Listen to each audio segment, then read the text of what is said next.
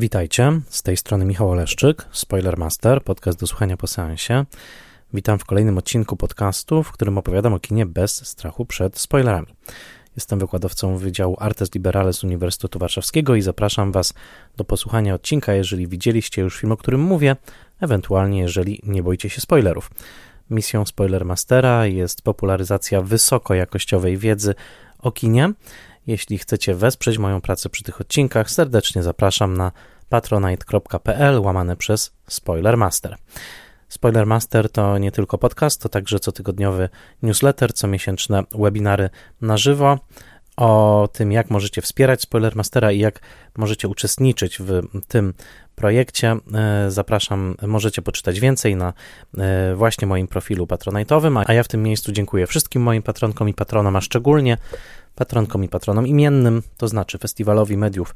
Człowiek w Zagrożeniu w Łodzi, Łukaszowi Daleckiemu, Agnieszce Egeman, Sebastianowi Firlikowi, Odjemu Hendersonowi, Beacie Hołowni, Adamowi Andrzejowi Jaworskiemu, Annie Jóźwiak, Bartłomiejowi Kłosiewiczowi, Tomaszowi Kopoczyńskiemu, Iwonie Oleszczuk-Jaźwieckiej, Krystianowi Oleszczykowi, Władimirowi Panfiłowowi, Mateuszowi Stępniowi, Weronice Więsyk, Jackowi Wiśniewskiemu, Jerzemu Zawadzkiemu i Tomaszowi Mączce, autorom podcastu Let's Make Movies, blogowi Przygody Scenarzysty, prezentującemu analizy scenariuszowe, a także portalowi Outfilm, oferującemu szeroki wybór filmów o tematyce LGBT+.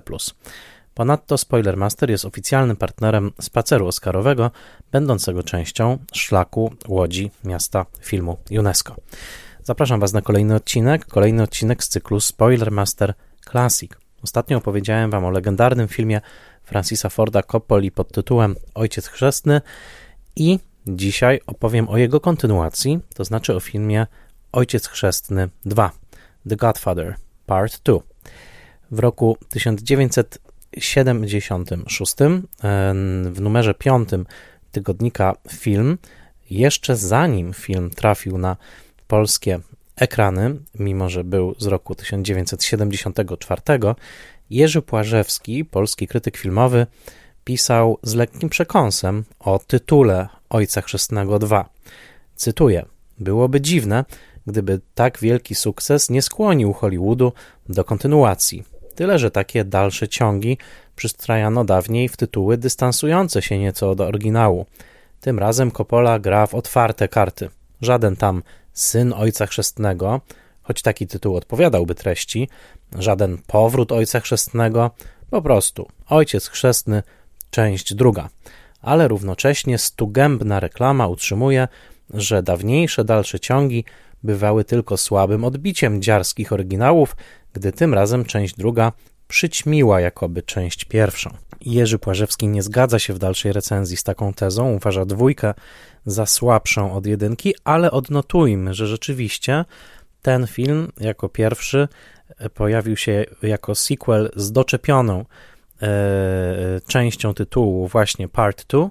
Tuż po tym nastąpiło dodanie wy- wyłącznie dwójki numeru 2 do francuskiego łącznika. W ten sposób zaczęły się sequele numerowane. Ale zanim jeszcze w roku 76 e, Jerzy Płażewski napisze tę swoją troszkę kąśliwą e, recenzję, doceniającą niektóre aspekty, ale ogólnie stającą po stronie części pierwszej, no, film miał swoją premierę w Stanach Zjednoczonych. Ojciec Chrzestny 2 wszedł na ekrany 12 grudnia roku 1974. To nowojorska premiera tego filmu, a w roku 1975 już triumfował na gali Oscarowej, odbierając statuetkę między innymi za najlepszy film. W sumie tych statuetek odbierze aż sześć. I już samo to w sobie czyni ten film bardzo wyjątkowym, aż do czasu powrotu króla Petera Jacksona. Nie będzie bowiem kolejnego filmu stanowiącego sequel, kontynuację, który zostanie nazwany przez Akademię Filmową najlepszym filmem roku. A nawet przy powrocie króla sytuacja nie jest tak pełna glorii jak tutaj, albowiem w przypadku Ojca Chrzestnego zarówno część pierwsza, jak i część druga otrzymały Oscara za najlepszy film. To jedyny taki przypadek w historii kina. Dodajmy, że w tym samym okresie Coppola święcił triumfy także w innych miejscach i dzięki innym filmom.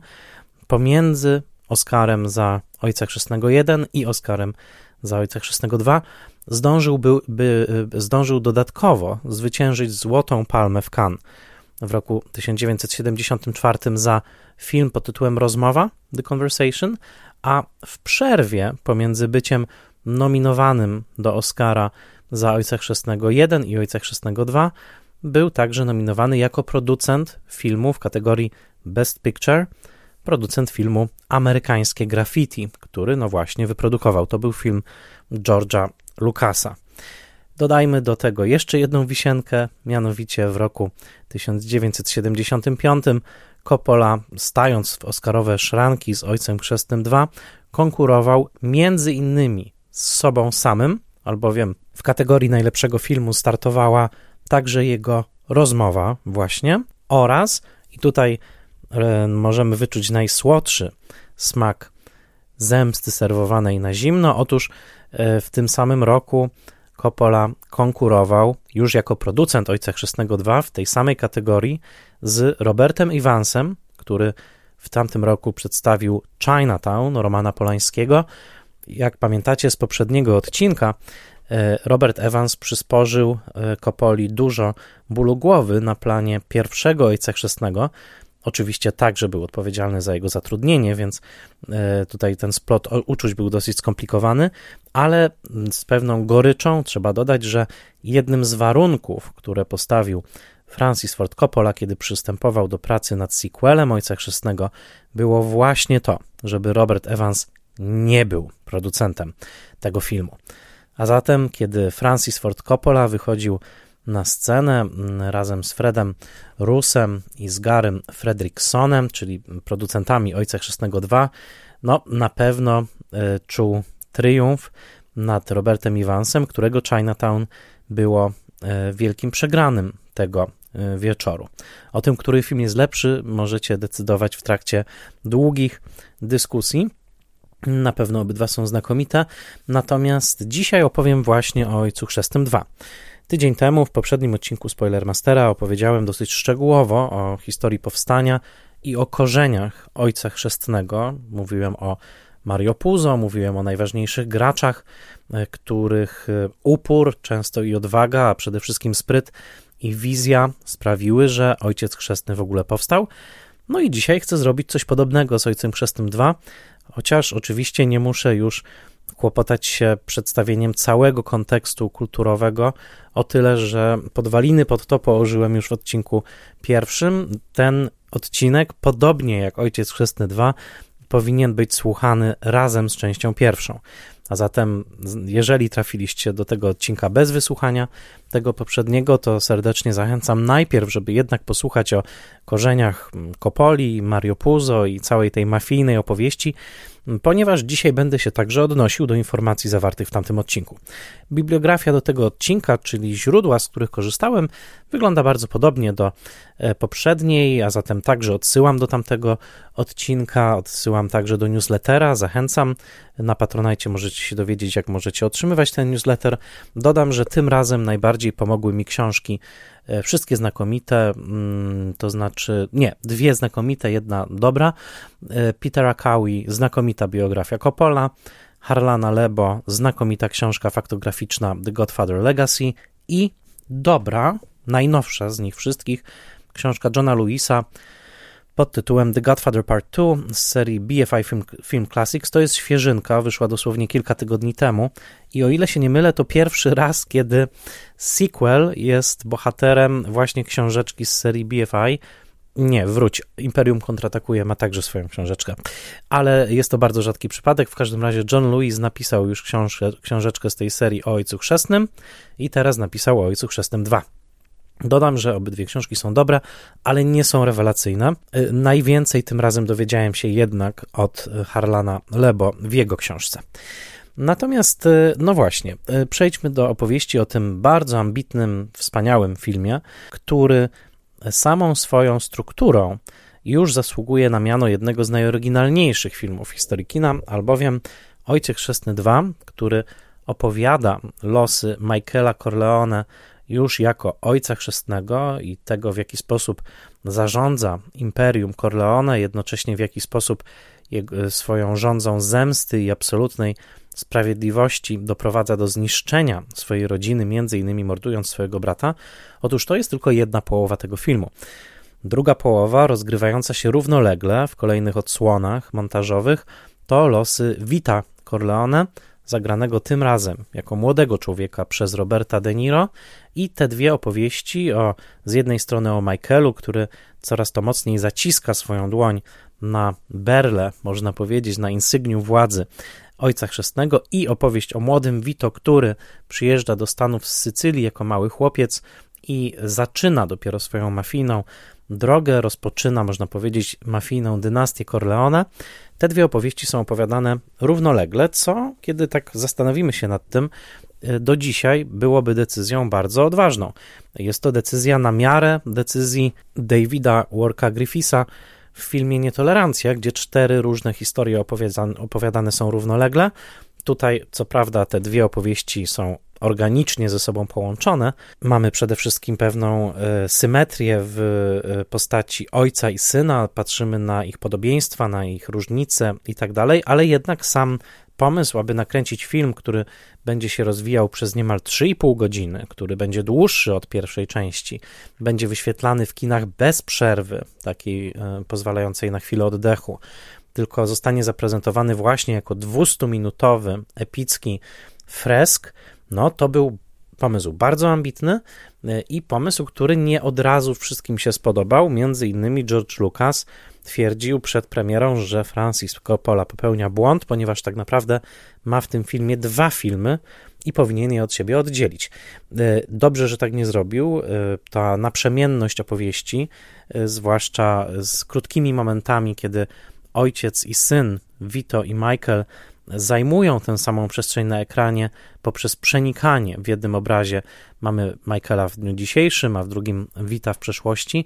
Zdecydowanie działa to na korzyść filmu i sprawia, że możemy na przykład zacząć zastanawiać się, jaka relacja ich łączyła i jak pewne podobieństwa charakteru, być może nawet podobieństwa genetyczne między tymi mężczyznami e, determinują ich późniejsze wybory, zachowania i emocje.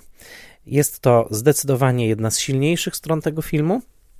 I dodajmy, że w przypadku Vita opowieść dotyczy przede wszystkim tego, jak, no właśnie, wyjeżdża z Sycylii, aby uniknąć zemsty niejakiego Don Ciccio, e, lokalnego gangstera, który między innymi zabił jego brata i matkę a następnie jak e, znajduje swoje miejsce Vito w małej Italii, w Nowym Jorku, e, po to, aby właściwie trochę przypadkowo, trochę w sposób błahy, trochę nawet w sposób zabawny, być wciągniętym w działania nielegalne, po czym sięga po pełnię władzy, kiedy zabija lokalnego mafioza e, Don Fanuccia i no właśnie, zaczyna budować swoje Imperium w tle widzimy jego rosnącą rodzinę i między innymi malutkiego Michaela, który, co dopowiada nam część współczesna filmu, jest już innym Michaelem niż w części pierwszej.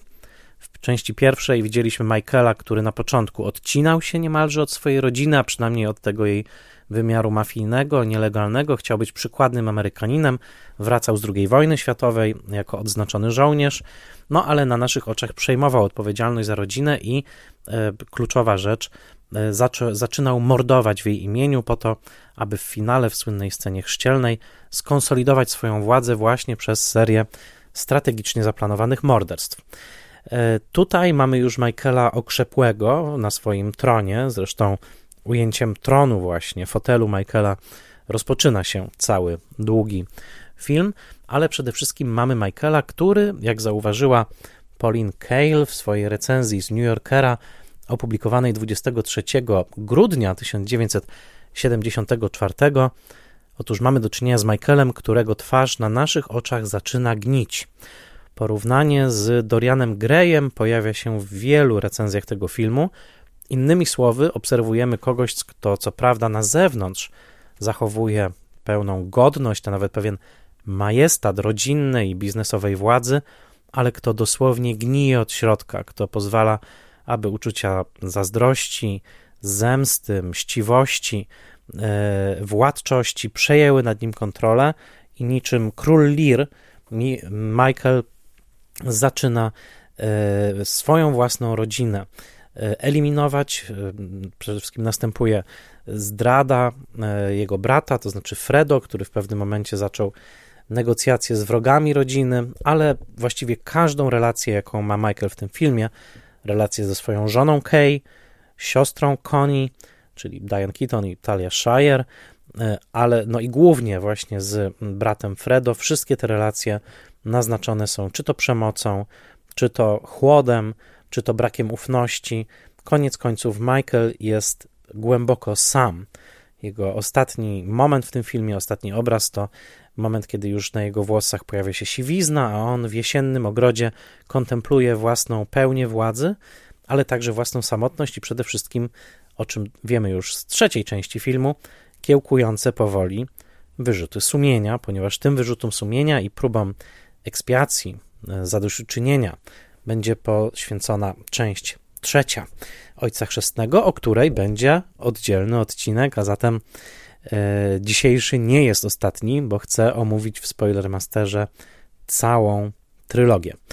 E, część e, Ojca Chrzestnego dotycząca Michaela jest bardziej rozbudowana niż część, część poświęcona Vito. Mamy tutaj więcej wątków. Przede wszystkim mamy wątek ciągłej próby Michaela, aby ulegalnić wszystkie operacje finansowe rodziny, ale także, aby przejąć władzę nad kasynami e, nie tylko już w Las Vegas, ale także na Kubie. E, akcja filmu jest osadzona sprytnie w drugiej połowie lat 50., jeszcze przed obaleniem rządu Batisty na Kubie, dosłownie w przededniu rewolucji Fidela, dzięki czemu dostajemy także obrazki z Kuby, co prawda kręconej na Dominikanie, bo pamiętamy z pierwszego odcinku, że e, Charlie Bludorn, szef korporacji Gulf and Western, czyli korporacji matki wytwórni Paramount, e, miał bardzo duże inwestycje na Dominikanie, tam rozwijał przemysł cukrowniczy i między innymi, no właśnie, e, Dominikana pozuje tutaj jako Kuba.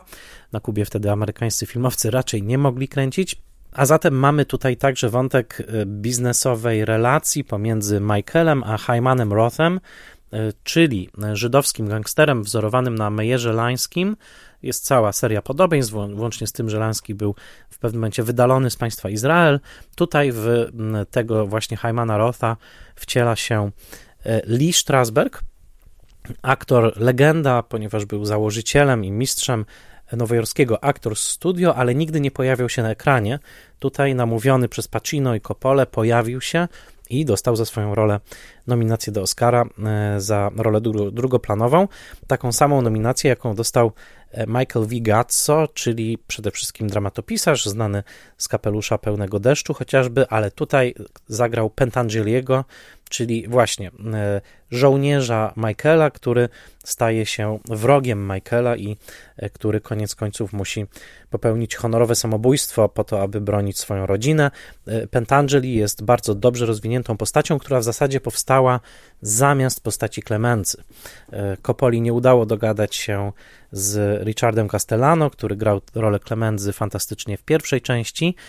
Klemenza podobno chciał, żeby jego kumpel pisał dialogi do tego filmu, na to Coppola się nie chciał zgodzić, no i dzięki temu mamy wybitną rolę Michaela V. Gazzo ale e, to Robertowi De Niro z tych już trzech wymienionych przeze mnie aktorów przypadnie Oscar za rolę drugoplanową, mimo że zarówno Strasberg, jak i Gazzo będą za tę rolę nominowani, przy czym nie ma żadnej wątpliwości, że film należy przede wszystkim do arcy roli Ala Pacino, którego chłód, e, determinacja mają w sobie coś jednocześnie majestatycznego i diabolicznego i od właściwie premiery filmu. Toczy się spór, do którego nawiązuje także e, Jerzy Płażewski w swojej recenzji, mianowicie czy film podziwia Michaela, czy chce, żebyśmy go podziwiali za jego konsekwencje zemsty, e, czy, czy wręcz odwrotnie, czy go po, potępia. Ostatni akapit recenzji Płażewskiego. Pewnie oglądałem film Kopoli z niejakim zainteresowaniem, mniejszym jednak niż pierwowzór, i mimo doliczonej do ceny biletu tendencji nie wiem do dziś, czy klęska Majka wzięła się stąd, że słynne prawa familijne stosował w stopniu niedostatecznym, czy też, że w nadmiernym. Ta wątpliwość towarzyszy temu filmowi od dawna i sprawia, że można o nim dyskutować faktycznie bez końca. Film Ojciec Chrzestny 2 jest filmem mm, dużego metrażu, wielkiego majestatu, wspaniałego opowiadania, którego analiza pewnie zajęłaby kilka odcinków. Dzisiaj chcę Wam opowiedzieć przede wszystkim o tym, jak ten film powstał, a także zwrócić uwagę na kilka tropów, które łączą go z pierwszą częścią i które sprawiają, że jako całość te dwa filmy rzeczywiście stanowią jedno z najwybitniejszych dokonań amerykańskiego kina. Część trzecia będzie trochę odrębnym przy, przypadkiem i w odcinku od części trzeciej opowiem Wam też o tym, co doprowadziło Kopole do takiego, a nie innego kształtu części trzeciej, bo w odcinku powiem także więcej o karierze Kopoli w latach 80. i późnych 70., ponieważ ta, ten niebywały sukces, to apogeum, ta supernowa, Złota Palma, dwa Oscary, nominacje i tak dalej, to wszystko był rozbłysk, który by okazał się preludium do bardzo, bardzo burzliwego czasu, także trudnego czasu dla Kopoli, e, zwłaszcza pod koniec lat 70., na początku lat 80. był on niemal bankrutem, ale o tym opowiem już później. Natomiast dzisiaj jesteśmy w tym momencie supernowej, światło oślepia wręcz, kiedy patrzymy na Kopole w tym czasie, jest absolutnie spełniony i przekracza sam siebie, bo e, nawet pod względem metrażu i skali druga część Ojca Chrzestnego przekracza część pierwszą, no a w tym samym czasie, jeżeli zdajemy sobie sprawę, że w zasadzie równolegle pracował on nad rozmową, która jest arcydziełem i znajduje się na 23 miejscu mojej listy wszechczasów, zapraszam do słuchania mojej listy wszechczasów, i nad Ojcem Chrzestnym 2, no to musimy powiedzieć, że było to niebywałe stężenie twórczej, e, twórczej energii. Ale wróćmy trochę do tego momentu, kiedy Ojciec Chrzestny 1 stał się sukcesem, okazał się sukcesem. No oczywiście Coppola ogrzał się w tym sukcesie jak w najcudowniejszym słońcu. Udowodnił, że jego wizja była spójna, że miał rację. Nie musiał już nadskakiwać ani nawet tłumaczyć się e, Robertowi Evansowi. I e, wytwórnia Paramount jeszcze przed e, premierą, tak naprawdę, części pierwszej, już rozważała sequel. I co prawda, Coppola nie był jeszcze przypisany do tego sequelu. Nikt nie wiedział, jak pierwszy sobie poradzi film, tak naprawdę, ale na wszelki wypadek w sierpniu roku 1971 Paramount podpisał kontrakt z Mario Puzo, że ten napisze scenariusz dwójki. Koniec końców Coppola i Puzo napiszą ten scenariusz razem, dostaną za niego Oscara i będzie to scenariusz, który przeniesie troszkę wątków dotyczących młodości Wita z powieści Puzo, ale tak naprawdę będzie to też scenariusz, który dużo zmieni, ponieważ postać Fredo no, i to, co ją spotyka e, pod koniec, zupełnie inaczej wyglądała w książce. Nawet zresztą Puzo za bardzo nie chciał, żeby Michael mordował Freda pod koniec, ale tutaj uparł się Francis Ford Coppola. No ale właśnie, był sukces, ale Coppola nie chciał reżyserować dwójki, chciał się trzymać swojego e, postanowienia, o którym mówiłem wam w odcinku pierwszym, że będzie realizował filmy małe, filmy osobiste. No, takim filmem zdecydowanie była rozmowa. Film niewielkiej skali, ale ogromnej ambicji, który zresztą się udał. E, Coppola dogadał się wszakże z Paramountem. Charlie Bludorn, ten właśnie super biznesmen, o którym mówiłem wcześniej, powiedział mu wprost: Francis, wymyśliłeś, masz w ręku e, przepis na Coca-Colę i nie chcesz wyprodukować kolejnej butelki. E, Coppola postawił kilka warunków. W komentarzu audio na płycie Blu-ray z tym filmem Ojciec Chrzestny 2 mówił, że warunki były następujące: milion dolarów, żadnych ingerencji wytwórni i brak Roberta Iwansa. Przykre, ale taka, tak to nastąpiło. No i rzeczywiście tak się właśnie stało.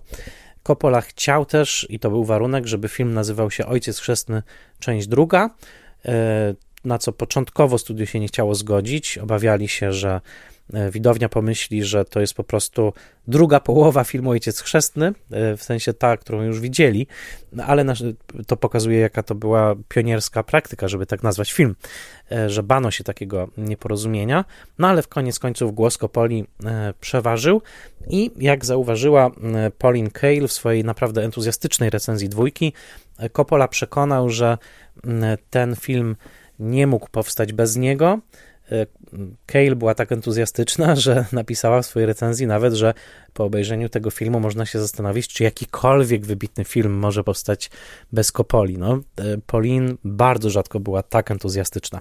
Film miał wyższy budżet niż jedynka, e, w sumie 13 milionów dolarów. Zarobił mniej, około 60 milionów, nadal był sukcesem, plus oczywiście Oscary, ale był filmem zdecydowanie trudniejszym, wymagającym większego zaangażowania czasowego i nie tak sensacyjnym jak część pierwsza. Jednak część pierwsza ma cechy filmu sensacyjnego z narastającym napięciem.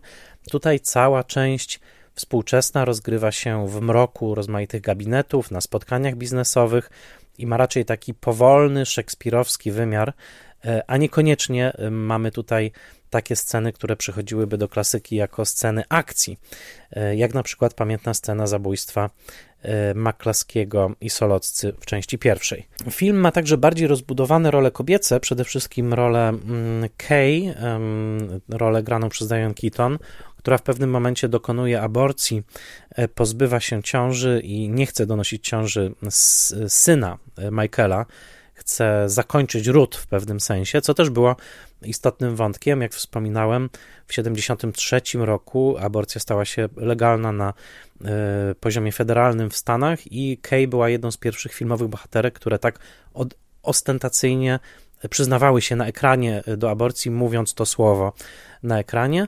No i też postać Kay tutaj zdecydowanie buntuje się przeciwko Michaelowi. W pierwszej części tego nie y, robiła. Ale y, przygotowując się do produkcji, co ważne, Coppola sięgnął po głównie tych samych współpracowników, po operatora Gordona Willisa, który skandalicznie nie będzie nominowany za genialne zdjęcia do tego filmu do Oscara, scenografa Dina Tavolarisa, oczywiście aktorów, tych, którzy chcieli wrócić i z którymi się dogadał. Z Marlonem Brando nie dogadał się finansowo, więc Brando nie ma, mimo że jest retrospekcja, w której za drzwiami e, jest Vito. Nie dogadał się z Richardem Castellano, ale z większością dogadał się i wrócili, chociaż Al Pacino przedłużał e, swoje negocjacje ponieważ wiedział, że dostanie więcej pieniędzy, jeżeli troszkę, no właśnie, ponegocjuje, bo bez niego ten drugi film się nie mógł jednak wydarzyć. No bez Richarda Castellano owszem, ale bez Pacino no nie za bardzo. E, a zatem y, troszkę potrzymał Kopale w niepewności, co zresztą zaowocowało później zmianą pewnej etykiety savoir vivre prawniczego w Hollywood, to znaczy aktorzy podpisując tam y, kontrakt na rolę często podpisują jednocześnie E, kontrakt na sequel. E, tak jeszcze nie było w momencie, e, kiedy powstawał Ojciec Chrzestny 2, no ale koniec końców Al Pacino na tym planie się stawił. Ważne jest jedno i to warto zrozumieć tak pod kątem historycznym odnośnie tego filmu. To znaczy, Coppola pierwszym filmem dowiódł swojej wielkiej roli, silnej ręki, poprawności swojej intuicji. I to jest dokładnie ten moment w historii tak zwanego nowego Hollywoodu, kiedy przez chwilkę wydaje się, że reżyserzy zawładną tym nowym Hollywoodem. E, Coppola w tym czasie robi bardzo konkretne wysiłki, żeby zapewnić sobie niezależność także producencką. Rozwija swoją wytwórnię American Zoetrope, którą ratował pierwszym ojcem chrzestnym po to, żeby firma nie zbankrutowała, Natomiast po pierwszym Ojcu Chrzestnym on w nią mocno inwestuje. Ta firma wypuszcza chociażby amerykańskie graffiti i przede wszystkim Coppola namawia reżyserów do działań niekonwencjonalnych, do konsolidowania się, do zakładania własnych firm, po to, żeby tworzyć filmy osobiste, ale żeby tworzyć także filmy, które będą trochę wbrew regułom wielkich, bezdusznych wytwórni. W ten sposób powstaje m.in. Directors Company, czyli dosłownie Stowarzyszenie Reżyserów, firma produkcyjna Francisa Forda Coppoli, Petera Bogdanowicza i Williama Fredkina, która co prawda wypuści tylko kilka filmów na czele z rozmową, e, ale także z mm, filmem Daisy Miller e, chociażby, który zresztą zakończy historię tej e, wytwórni, mimo że Papierowy Księżyc także powstanie pod jej egidą. W każdym razie ten, właśnie dokładnie ten moment między premierą pierwszego Ojca Chrzestnego, a sukcesem drugiego Ojca Chrzestnego, kiedy Coppola tak pewną ręką wzmacnia stawkę, podwyższa tą stawkę drugą częścią i jednocześnie dokonuje tak absolutnego e, zawłaszczenia e, tego pola właśnie Ojca Chrzestnego, pokazując swoje prawdziwe mistrzostwo, no to jest moment, który jest niesłychanie inspirujący wtedy Hollywood, w Hollywood dla wielu reżyserów i wydaje się, że Hollywood rzeczywiście zostało ocalone przez wizjonerów, takich jak Coppola. Oczywiście brutalną lekcją pokory będzie późniejszy film Czas Apokalipsy, który zrujnuje Kopole i niemalże będzie go kosztował zdrowie i życie. O tym opowiem pewnie kiedyś w innym odcinku, ale ten krótki moment w połowie lat 70. rzeczywiście wydaje się y, triumfem Kopoli, ale także triumfem takiego pomysłu, że to właśnie reżyserzy powinni być u sterów, a nie wielkie wytwórnie, nie y, bezduszne mechanizmy E, kapitału.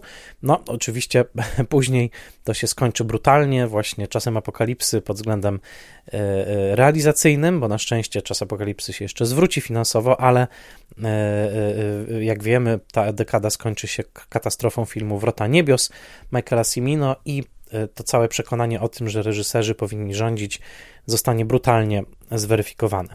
Natomiast tutaj właśnie to jest wspaniałe przy Ojcu Chrzestnym 2, że Coppola z taką swobodą, jednocześnie pewnością bez stresu. Sam mówi, że to była bardzo przyjemna produkcja, mimo że bardzo długa, ponad 100 dni zdjęciowych. Dobrał sobie tych świetnych współpracowników e, i stworzył kolejny filmowy majstersztyk. Na dodatek tak wspaniale pomyślany, jako taki dyptyk w zasadzie, tyle że równolegle opowiedziany.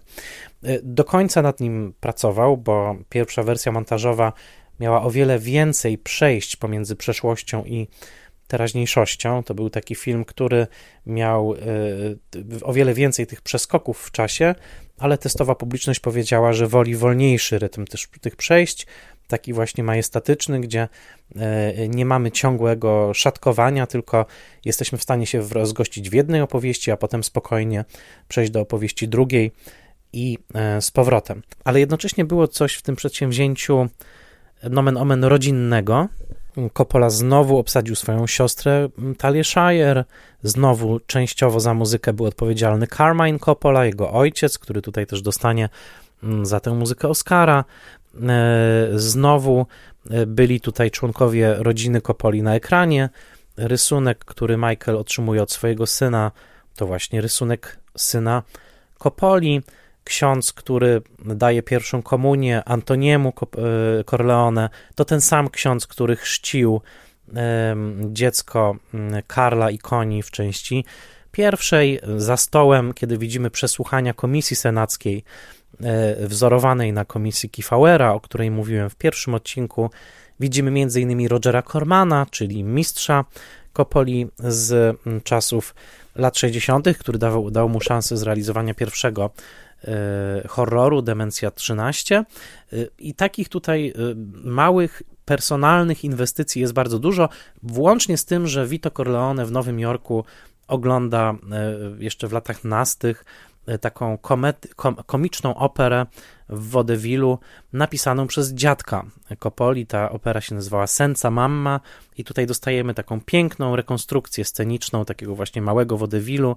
etnicznego Francesco Penino, tak się nazywał dziadek od strony matki Coppoli i tutaj właśnie jego wnuk inscenizuje tę zapomnianą malutką operę e, na potrzeby swojego filmu. Innymi słowy jest to film bardzo, bardzo osobisty, nawet na tyle osobisty, że relacja między braćmi Fredem i Michaelem często była traktowana jako metafora relacji e, pomiędzy Augustem Coppolą, starszym bratem Francisa i samym Francisem. Jak to dokładnie czytać? Pewnie musiałby się wypowiedzieć psycholog.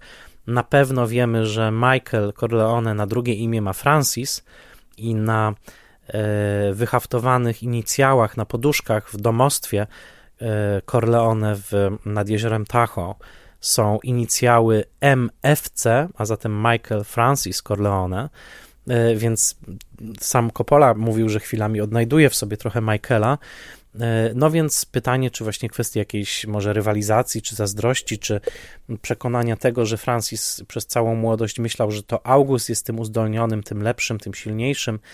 E, no pewnie się to tutaj też trochę przedostało i przez to ten film także tak poruszająco działa właśnie jako historia rodzinna.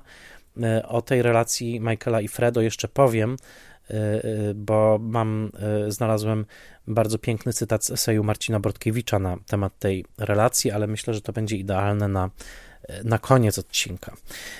Film ma oczywiście ten rozmach, o którym wspomniałem. Są tutaj sceny o wiele bardziej wystawne niż w części pierwszej.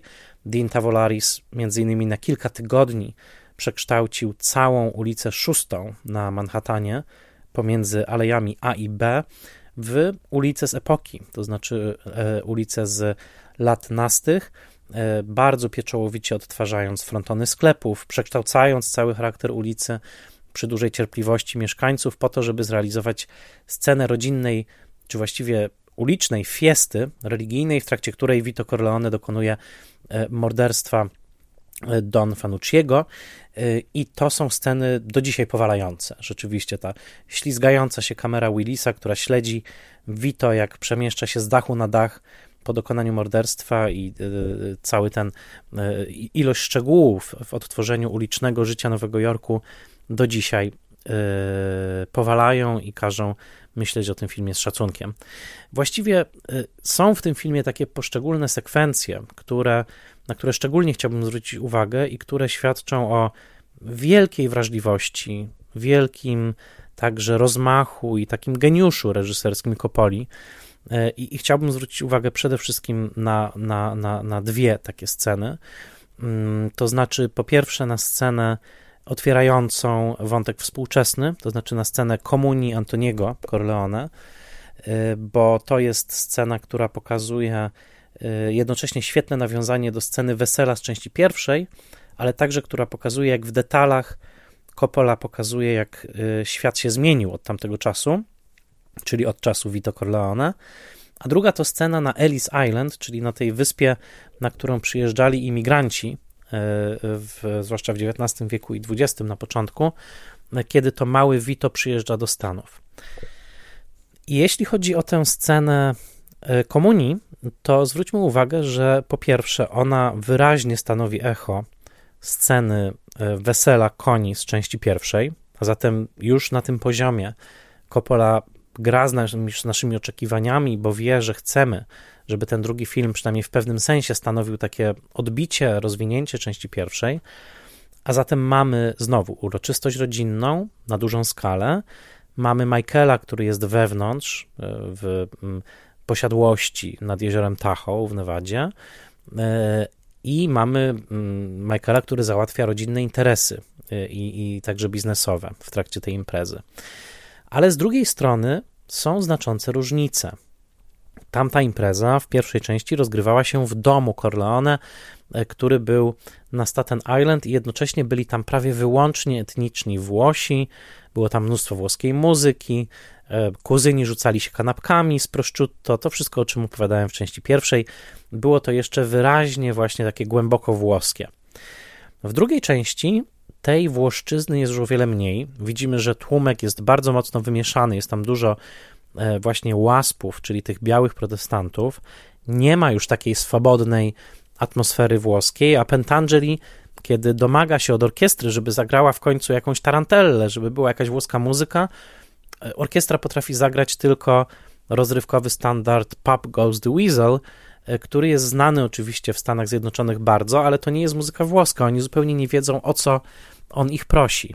Chór chłopięcy śpiewa piosenkę Mr. Wonderful, co jest trochę ironicznym komentarzem do e, tego, kim jest Michael, bo on taki wonderful nie jest. Ale znowu, to nie jest włoska muzyka. To nie jest mama Corleone, która w pierwszej części wychodzi, zaczyna pieśń e, i jest ta pieśń kończona przez rubasznego wujka, któremu na dodatek wypada sztuczna szczęka. Nie. Tutaj tłum jest większy, szacowność większa, komponent włoski bardzo ograniczony, jednocześnie pieniądze są o wiele większe, bo imperium Michaela jest większe niż imperium Vita, ale to już nie jest imperium włoskie. To jest imperium, które coraz to bardziej traci kontakt z tą rdzenną sycylijską kulturą. Żona Freda w ogóle nie jest Włoszką i w pewnym momencie pyta wprost, co to znaczy to centeani, które tak mówicie przy drinkach i ktoś musi jej wyjaśnić, że to znaczy 100 lat, że znaczy to życzenie szczęścia, prawda, na, na następnych 100 lat. Ta kultura na naszych oczach się kruszy w wyniku asymilacji. To był ten wielki temat części pierwszej. Tutaj już mamy Michaela, który doprowadził do o wiele większej asymilacji, chociaż nadal senator Neary pogardza nim jako Włochem i będzie to cały tutaj duży wątek. Natomiast jest to film o tym, że Michael nawet później komis przed komisją senacką, tą komisją Kifauera, będzie się powoływał przede wszystkim na swoją amerykańskość, na to, że służył w armii amerykańskiej. No i cały film kończy się retrospekcją do tego momentu, kiedy Michael 7 grudnia 1941 roku e, postanawia mm, stać się amerykańskim żołnierzem, zaciągnąć się do armii po to, żeby brać udział w II wojnie światowej. Ta decyzja nie podoba się jego braciom, nie spodoba się jego, jemu, jego ojcu, bo oni uważają, że będzie walczył za obcą sprawę. Amerykańska sprawa to nie jest nasza sprawa. To nie jest Cosa Nostra. Tymczasem w części drugiej, właśnie w tej świetnej scenie komunii, widzimy, że Michael wszedł już bardziej w mainstream amerykańskiego życia i coraz to dalej oddala się od tych korzeni, od tego, co tak bardzo charakteryzowało Vita. To jest pierwsza scena, na którą chciałem zwrócić uwagę. A druga scena to właśnie przybycie Vita na Staten Island, ponieważ tutaj po pierwsze mamy ikoniczną scenę, kiedy włoscy imigranci wpatrują się w statuę wolności z ogromną nadzieją, przecież nie z planem, że założą jakieś mafijne organizacje, tylko z nadzieją, że zostaną potraktowani dobrze, ale od razu właściwie Michael zostaje zamknięty w izolatce ze względu na chorobę oczu i musi przebyć kwarantannę. I to jest jeden z najbardziej genialnych obrazów w tym filmie. Poza tym, że cała ta scena przybycia do Ameryki była kręcona, uwaga, w Trieście, i był to tak naprawdę targ rybny przekształcony w, te, w ten budynek e, właśnie sta, e, e, urzędu celnego Staten Island, ale przede wszystkim jest tam genialny moment, który pokazuje, jak Vito zostaje zamknięty w tej izolatce na kwarantannie. I tutaj wychodzi geniusz Kopoli, bo widzimy przez okno statuę wolności, to jest to, do czego on dąży, jego siada na krześle, jego nogi dędają w powietrzu, jest jeszcze za mały, na to krzesło, co od razu budzi nasze dobre uczucia, bo to jest po prostu no, młody dzieciak, tak mały chłopiec, który jest w tej scenie bardzo osamotniony i zaczyna śpiewać, nucić pod nosem sycylijską piosenkę. I ta sycylijska piosenka to oczywiście motyw z Ojca Chrzestnego, ale jest coś tak delikatnego i poruszającego w tym właśnie malutkim chłopcu, który po prostu śpiewa, żeby sobie dotrzymać towarzystwa, co zestawione z tym chórem chłopięcym białych łaspów, którzy w ponad 50 lat później będą śpiewali na komunii jego syna angielską piosenkę Mr. Wonderful, co pokazuje całą tą linię rozwoju, także pewnej degrengolady tej rodziny na amerykańskiej, e, na amerykańskiej ziemi. Jednocześnie nie możemy nie sympatyzować z Witem, bo widzimy jego słabość, widzimy jak e, jego matka zostaje zamordowana, widzimy, że on tak naprawdę przez przypadek się wplątuje w te działania przestępcze. Kolega mówi mu, tutaj młody Clemenza, Bruno Kirby, chodź tutaj zabierzemy dywan z mieszkania znajomego. No, okazuje się, że to kradzież dywanu tak naprawdę, ale znowu Vito nie poszukuje tego świata przestępczego. Ten świat go troszkę tak przypadkowo wciąga, co oczywiście też jest bardzo przemyślnym działaniem scenarzystów i reżysera, no bo chcemy być po stronie Vito, my chcemy, żeby mu się udało, my chcemy, żeby on stał się tym ojcem chrzestnym. A jednocześnie to wszystko jest montowane naprzemiennie z tym właśnie gnijącym już Michaelem, którego podejrzliwość w stosunku do Freda i mm, przede wszystkim plan, że zamorduje go, kiedy tylko ich matka umrze, jest w tym chłód, który, którego nie potrafimy się jeszcze dopatrzeć w oczach Wita, kiedy stawia pierwsze kroki w Ameryce, ale który w pewnym momencie oczywiście orientujemy się, że tam jest. Przede wszystkim w scenie zabójstwa Don Fanucciego, gdzie nie tylko Vito oddaje dwa strzały z pistoletu owiniętego w szmatę, to jedno z najsłynniejszych zabójstw w historii kina, ale na dodatek, co już nie jest tak naprawdę konieczne, wpycha lufę pistoletu w usta Don Fanucciego, strzela i to pokazuje jego bezwzględność. Michaela nigdy nie widzimy, co prawda, jak strzela sam, bo dokonuje wszystkiego poprzez pośredników w białych rękawiczkach, ale ten gen bezwzględności jest przekazany faktycznie z ojca na syna, i dopiero kiedy widzimy całą opowieść, oczywiście w zestawieniu z tym, co jeszcze widzieliśmy w części pierwszej, dochodzi do nas to z całą mocą. Takich połączeń, takich rymów, takich symetrii jest w Ojcu Chrzestnym dwa ogromnie dużo, sprawia to, że całość tych dwóch filmów przede wszystkim faktycznie tworzy jedną wielką całość. E, to tutaj też ogromna praca aktorska, bo chociażby De Niro bardzo szczegółowo studiował wszystkie ruchy, manieryzmy, nawet zgryz Marlona Brando w pierwszym filmie po to, żeby pokazać, jak te manieryzmy, jak ten głos się kształtował. Jest to wybitna rola, słusznie nagrodzona Oscarem, ale y, nie tylko te dotknięcia mistrzowskie różnych aktorów, czy scenografa, czy operatora sprawiają, że te filmy są tak spójne. Przede wszystkim one rzeczywiście na takim bardzo, bardzo szerokim płótnie pozwalają nam prześledzić losy tej rodziny i zrozumieć i korzenie, i konsekwencje i tej woli przetrwania, i tej umiejętności samoorganizacji, jaką Corleonowie niebywale i niewątpliwie posiadają, ale też ten element okrucieństwa, bezwzględności i przemocy, który sprawia, że pod koniec Michael jest rzeczywiście wydrążonym człowiekiem.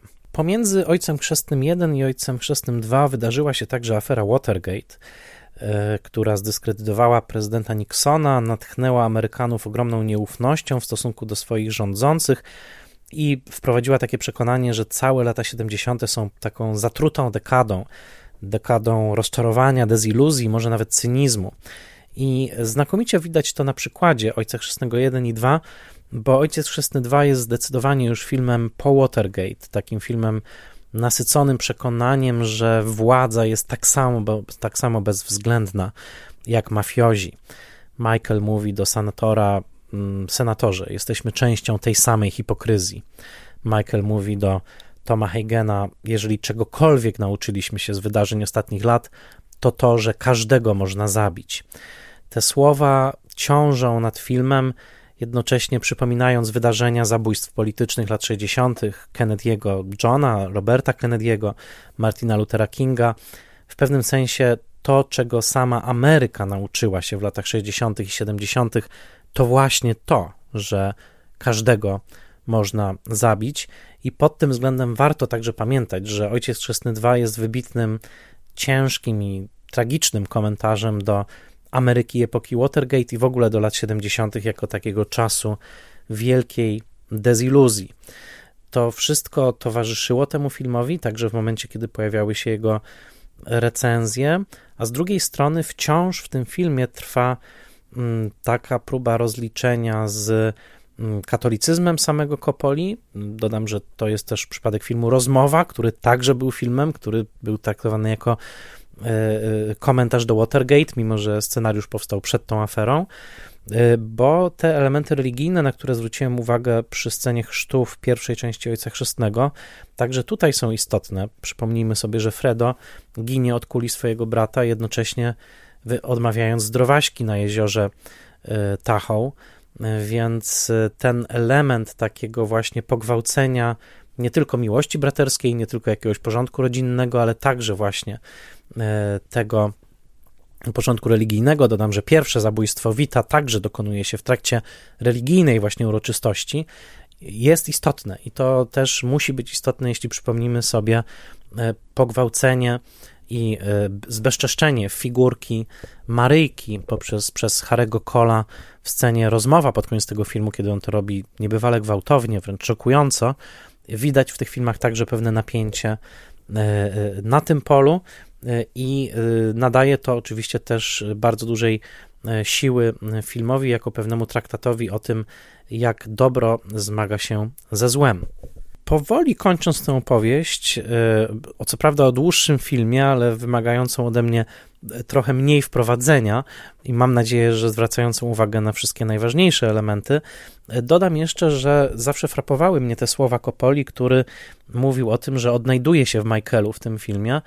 Pamiętajmy, że pomijając kwestie psychologiczne, oczywiście, bo wielu widzów może się jakoś identyfikować z aspektami Michaela, ale pamiętajmy się, że to, pamiętajmy także, że to jest czas, kiedy sam Coppola próbuje konsolidować swoje małe imperium. On wtedy kupił gazetę San Francisco o nazwie City, E, kupił firmę dystrybucyjną o nazwie Cinema 7, kupił kilka budynków w San Francisco i w Nowym Jorku. Był naprawdę coraz to zamożniejszym, po prostu bogatym człowiekiem i można powiedzieć, że to jego marzenie o władzy jako, producen- jako o władzy producenckiej w mm, amerykańskim przemyśle filmowym także wymagało wtedy dużej determinacji, być może dlatego też trochę się z Michaelem identyfikował.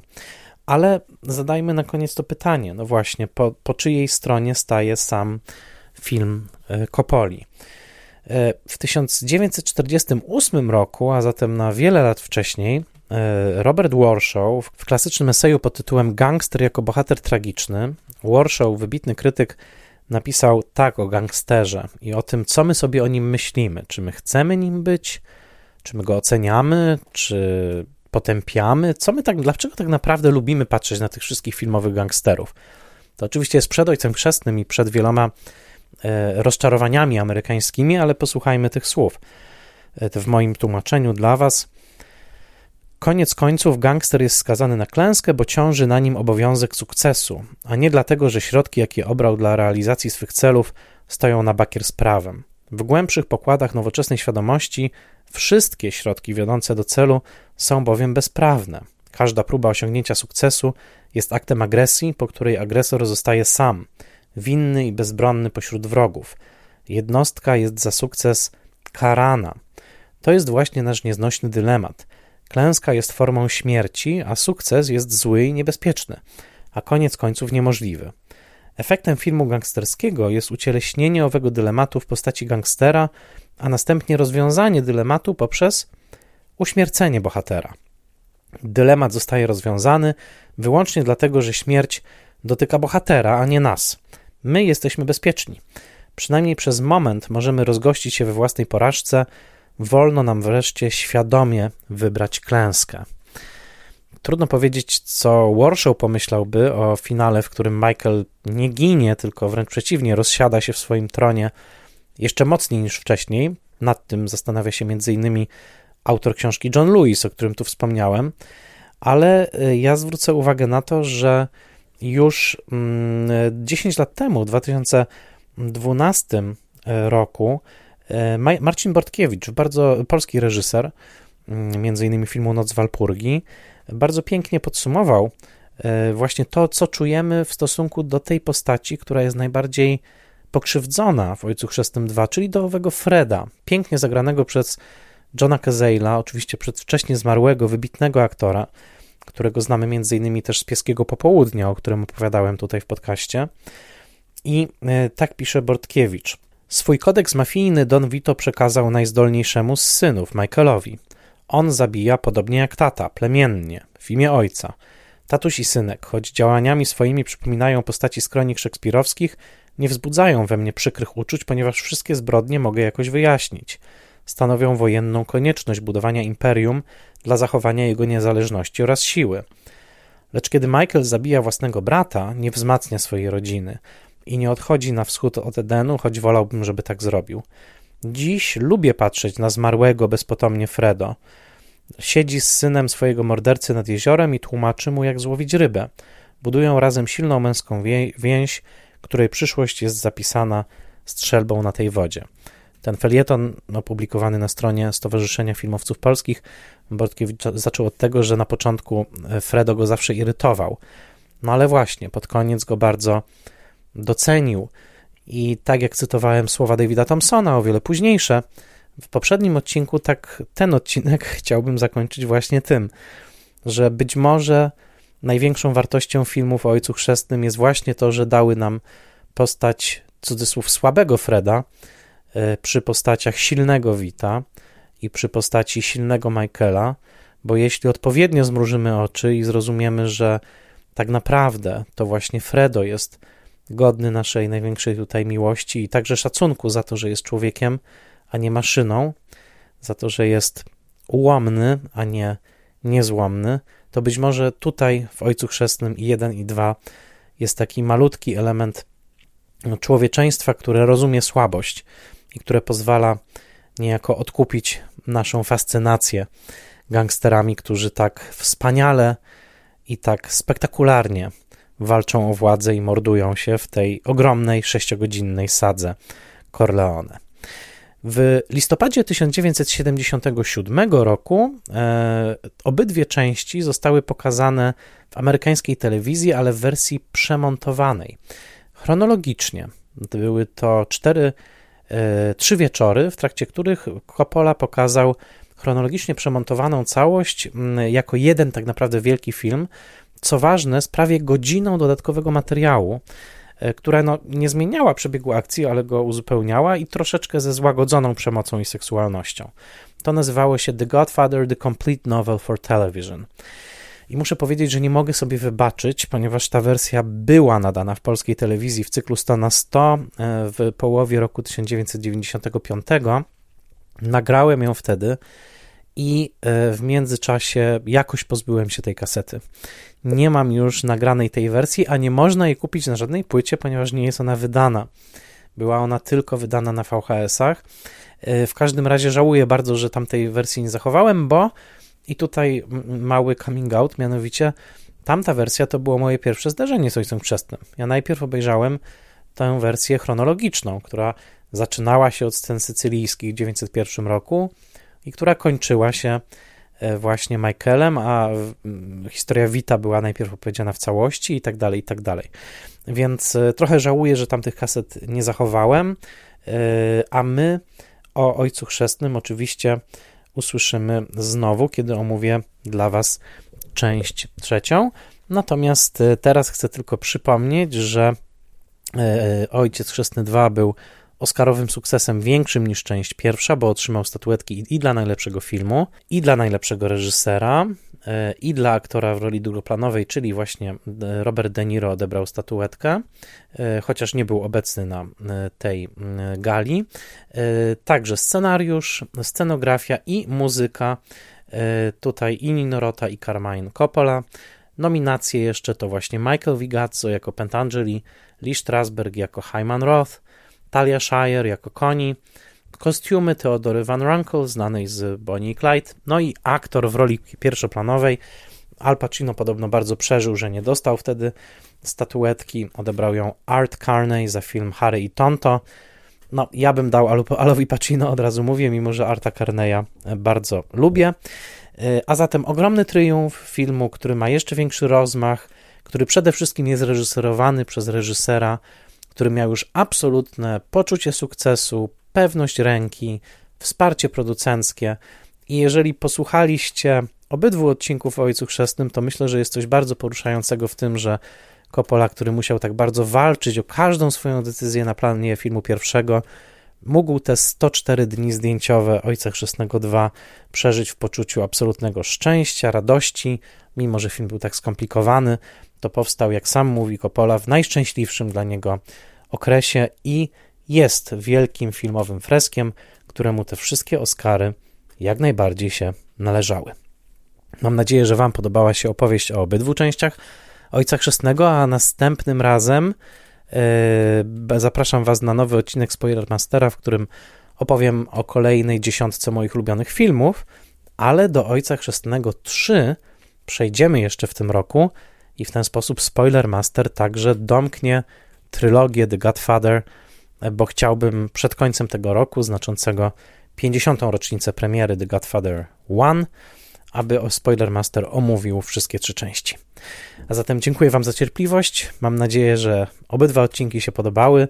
Wracajcie do Ojca Chrzestnego 2, do obydwu tych filmów i już niedługo usłyszymy się w opowieści o Ojcu Chrzestnym 3, jedynej części, która Oscara za najlepszy film nie otrzymała, mimo nominacji. Dziękuję Wam serdecznie, dziękuję patronkom i patronom, dzięki którym wysłuchaliście tego odcinka w wolnym dostępie. Pozdrawiam Was serdecznie. Następny Spoilermaster już za tydzień.